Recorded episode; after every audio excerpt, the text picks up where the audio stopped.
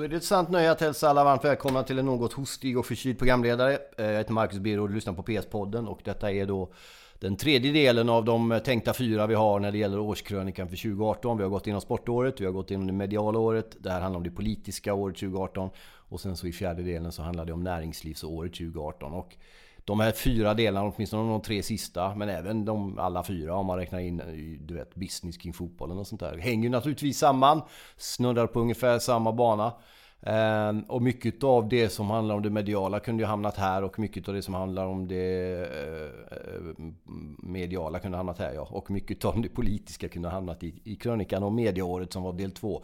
Det jag skulle komma fram till är att jag rekommenderar er varmt att gå in och lyssna på dem så får ni en Du vet, lyssna gärna på alla fyra i sträck så här. De är inte så långa heller. Så börja med ettan och så gå till tvåan, trean och sen så småningom fyran så får ni en ganska så Eh, sammanfattande bild av vilket sorts år 2018 har varit. När det gäller eh, det politiska livet, om vi då hakar fast vid den kroken lite kort bara, kopplingen mellan media och politik. Så tycker jag väl att åtminstone i slutet av 2018 har kunnat visa väldigt tydligt på att det finns naturligtvis sådana kopplingar. Eh, och det finns ju etablerad media som mer eller mindre driver en väldigt tydlig agenda. Och det man gör nu det är att man har skakat av sig alla skygglappar och står för att man faktiskt driver en typ av agenda. Under många år när man hade patent på historieberättandet och sanningssägandet och redovisandet och journalistiken så var det ju lite lättare att hävda att eh, det vi berättar, så är det. Eh, att det skulle vara någon form av opartisk eh, och så här öppen granskning, deras version. Nu är mycket etablerad medias rapportering i en röst bland andra. Eh, ett sål av röster kring fenomen som sker i samtiden. Och det där tycker jag på något sätt kännetecknar diskussionen kring även det politiska året 2018. Som naturligtvis har kommit präglas väldigt mycket om vad som hände på sluttampen av året med valrörelsen och det kaosartade valresultatet. Och den process då som nu i dagarna bara då har föranlett att eh, talmannen har satt ett eh, ultimatum i slutet av januari då eh, våra vänner i eh, partitopparna där, partiledare och andra för de större partierna eh, bör alltså kunna komma fram till någon form av regering inom ett visst datum i januari i slutet där. Annars så kommer det då bli ett så kallat omval, eller nyval som det heter i folkmun och det är det egentligen bara Sverigedemokraterna som vill ha typ. Så att det kommer de ju nog naturligtvis göra allt för att förhindra. Frågan nu bara snabbt i det läget vi är i är ju hur mycket av det som händer nu som var planerat att så här kommer det bli. Och hur, alltså att det har följt en sorts given mall där man bockar av men håller käften inför offentligheten och säger att Nej, men vi tar varje steg på fullaste allvar men det kanske kommer leda till det och det och det och det. Eller eh, om det faktiskt är så att det har varit nära att Centern och sossarna skulle leda men att Centern dras undan för de vet att vi har en chans till. Vi vet att vi frågar talmannen, hur kommer du göra? Nej men vi väntar lite. Ja, men då tänker Centern så här, vi drar oss ur nu. Det här är ju liksom ett sånt taktiskt spel. Om jag hade varit Centerpartiet så hade jag tänkt så här. Jag går in i förhandlingar, för de har ju varit... Annie Lööf har ju visat att hon gärna vill vara med på alla sätt och vis och i alla möjliga sammanhang. Då hade, jag, då hade jag resonerat så här, och det säger jag tror hon resonerar. Jag kan ha fel, det händer många gånger per dag. Men det är i alla fall vad jag tror, en, en novis fundering. Okej, okay, jag går in och säger, samma, börjar ett samarbete med Socialdemokraterna. Eller rättare sagt, jag sonderar som vi har kallat varandra sen eh, kräftskivan ungefär.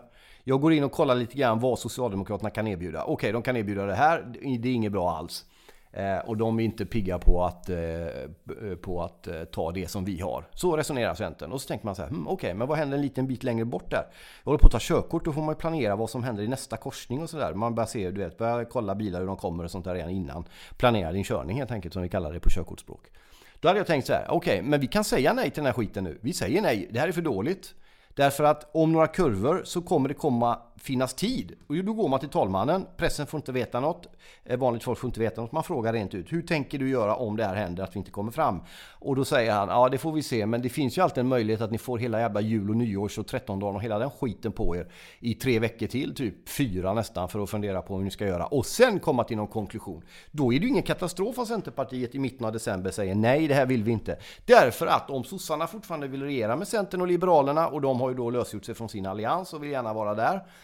Då eh, har de ju möjligheter att sockra det budet, att ge Annie Lööf alla julklappar i världen hon vill ha. Och då kommer Socialdemokraterna säga så här, fan nu är det sista chansen. Då får vi ta och sockra där och då kommer de bli tvungna att göra det. Och Centern kommer säga, vad var det vi sa? Vi sa nej då, men nu har vi gått in i nya förhandlingar. Det, man vinner på alla fronter Centern. Man vinner med att man man förlorade för tillfället att man drog sig ur och fick någon form av svekdebatt där, framförallt på socialdemokratiska ledarsidor. Där man tyckte att ja, men de var ju dumma som inte tog i sossarnas och de har för höga krav och bla bla. Det är ändå ett större parti och de vill inte. Och då tar man en tillfällig förlust på några dagar, sen är det glömt för allting bara rullar på så jävla vansinnigt fort. Och sen så vinner man, man vinner att man då åter, man tar på sig den här, ah, okej okay, jag går väl in i det igen. Man blir liksom såhär, åh Centerpartiet är bra, de är villiga att ta en diskussion igen. Och man kommer då att få igenom en hel del av sina grejer eftersom Socialdemokraterna hellre sockrar bud till Centerpartiet än går till omval. Vilket gör att Centern sitter på alla jävla guldkort. Så det kommer nog förr eller senare ändå bli, det är min eh, enkla teori här, att det blir Socialdemokraterna, Centern, Liberalerna som kör där. Eftersom framförallt Socialdemokraterna tror jag och dessutom Liberalerna Eh, men även Centern och hela de här som har tröskat igång det här under de här månaderna som gått sedan valet är stora förlorare vid ett eventuellt eh, omval. Vilket gör att jag tror att det så småningom kommer bli Centern och sossarna och Liberalerna som i någon mening kommer sköta det här.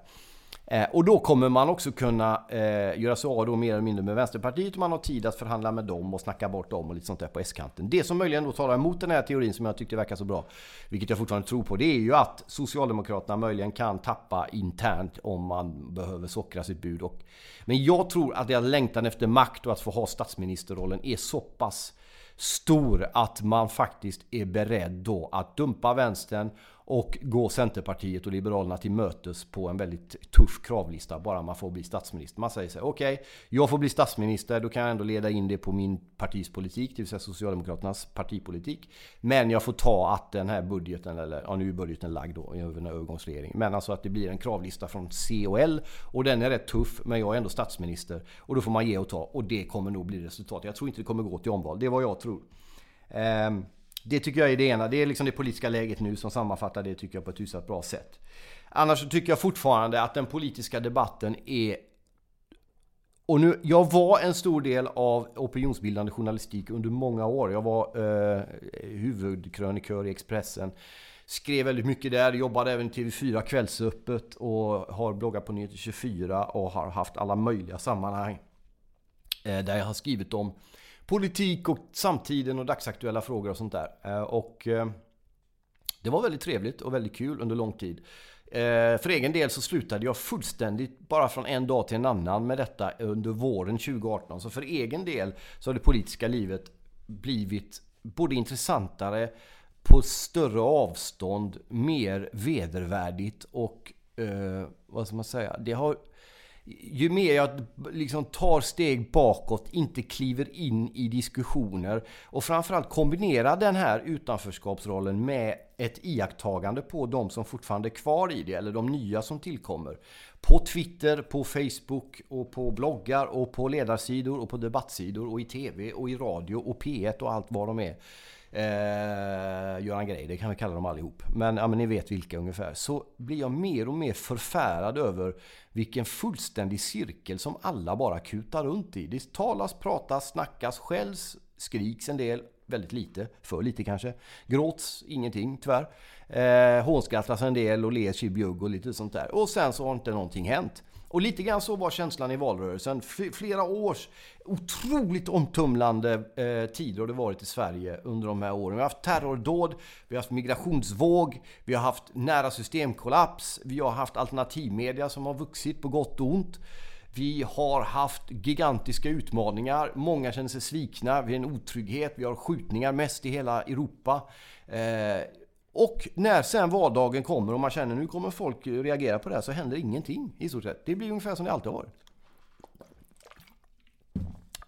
Och det där är lite grann Sverige i ett nötskal på något sätt. Det blir lite grann som det alltid har varit. Och det behöver ju inte alltid vara fel eller dåligt eller knäppt eller värdelöst. Men, men det blir lite konstigt. Eh, och nu känns det som att de här månaderna som gått sedan valet så känns det som att man behöver ha lite tid för att komma på ett sätt att få det att vara som det alltid har varit. Och det är därför vi nu då sitter där vi sitter när det gäller svensk inrikespolitik. Eh, utrikespolitik kan man väl säga att den feministiska sådan i, Sverige inte har lett till speciellt mycket mer än att Margot Wallström blir portad i Israel. Och det kan ju de här Palestina-plågarna tycka är jättebra. Samtidigt som att det kan vara något besvärligt om man ser det med något objektiva ögon. Att eh, Sveriges utrikesminister är portad från den enda demokratin i Mellanöstern men däremot väldigt varmt välkommen i andra delar av Mellanöstern där det inte råder demokrati och där det framförallt den här feministiska utrikespolitiken möjligen skulle kunna eh, föranleda att man kände att det skulle komma några, eh, du vet, eh, baritonröster eller sånt där. Men det har det inte blivit. En annan grej jag tänkte på också, det var precis idag när jag bandade här så kom det nyheter om att det är ett misstänkt terror attentat mot en skola i Skåne, om det var Hässleholm eller något sånt där.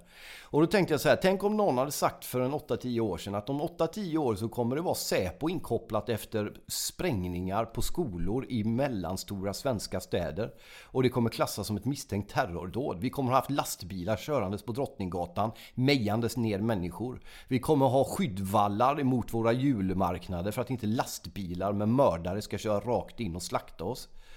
Den sanningssägaren undrar jag vad som hade hänt med. Eftersom Sverige är ett väldigt bra land på att meja ner sina sanningssägare om ursäktet uttryckas. Eller eh, om uttrycket ursäktas. Det är ett land som har varit väldigt bra på att täppa till truten på människor som har kommit med obekväma sanningar. Sen har de här sanningarna blivit verklighet i mångt och mycket. Och eh, ja, då står man där. Så kan det vara. Eh, någonstans så känns det som att vi fortfarande är i någon sorts uppvaknandestillstånd i det här landet, både politiskt ursäkta, och på många andra sätt. Eh, och det är svårt att veta hur man ska göra. Man måste bibehålla sin solidaritet, sin värme, sin innerlighet och sin, sin generositet. Men man bör också ha en skarp blick riktad mot företeelser, skeenden och strömningar. Och den kombinationen känns det som att det inte alltid alla är helt klockrena på eh, i det här landet. För egen del då också så känns det ändå, jag är så välsignat lycklig över att inte vara en del av den politiska debatten på det sätt som jag var ett tag. Jag fick fruktansvärt mycket skit. Jag har ältat det några gånger. Jag går upp i falsett bara säger det nu som ni hörde. Eh, så jag ska, inte, jag ska inte gå igenom allt det där eh, igen. Jag har kommit ut på andra sidan. Jag sitter där med mina fotbollsreferat och mina mm, poddar och eh, mina texter om fotboll och mina romaner och mina eh, sammanhang när det gäller både allsvenskan och den italienska fotbollen. Och jag är glad och nöjd över att den världen fortfarande eh, Eh, finns. Så att jag, och att det fanns dörrar öppna där som gör att jag kan försörja mig helt enkelt.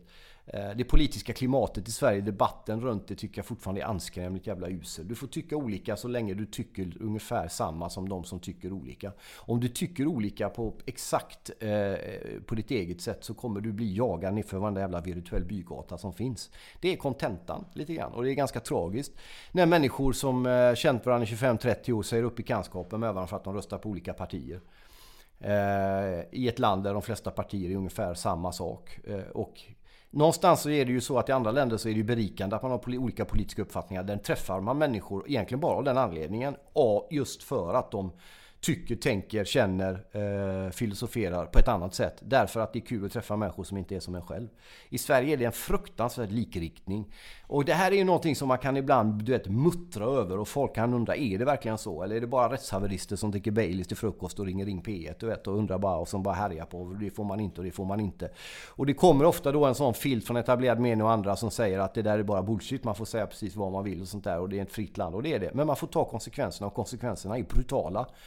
Konsekvenserna är långtgående och konsekvenserna är bestående och konsekvenserna finns. Jag vill ju bara ha det sagt för er som fortfarande tror att man kommer undan med att tycka olika i ett land där alla älskar att säga att man tänker och tycker olika och att man respekterar det. Det stämmer inte.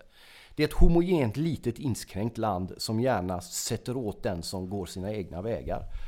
Så är Sverige. Eh, och politiskt så hoppas jag också på någon form av skön sån mitten Eh, alla är ju någon sorts gråsossar i grunden, glider däremellan liksom. Eh, och tydligen och uppenbarligen är Socialdemokraterna fortfarande Sveriges största parti enligt valkåren och väljarna och svenska folket. Och då är det väl någonstans rimligt att det partiet får hålla i någon form av dirigentpinne. Det ska bli intressant att se då hur mycket man kommer sockra budet till C och L för att få dem att gå med på den här märkliga regeringen som jag tror ändå blir av i slutet av januari. Så att det inte blir omval. Blir det det så blir det spännande. Men jag tror inte att det går så långt alltså.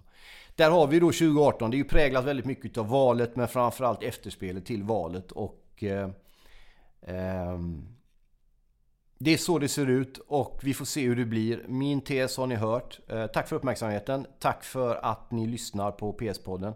Gå in och läs även på dagens PS. Där finns det en massa fina dagliga artiklar. Eh, missa inte den sidan. Ta hand om er och eh, ett gott nytt år. Och och eh, en god fortsättning på det nya året så hörs vi strax igen hoppas jag. Ta hand om er. Arrivederci.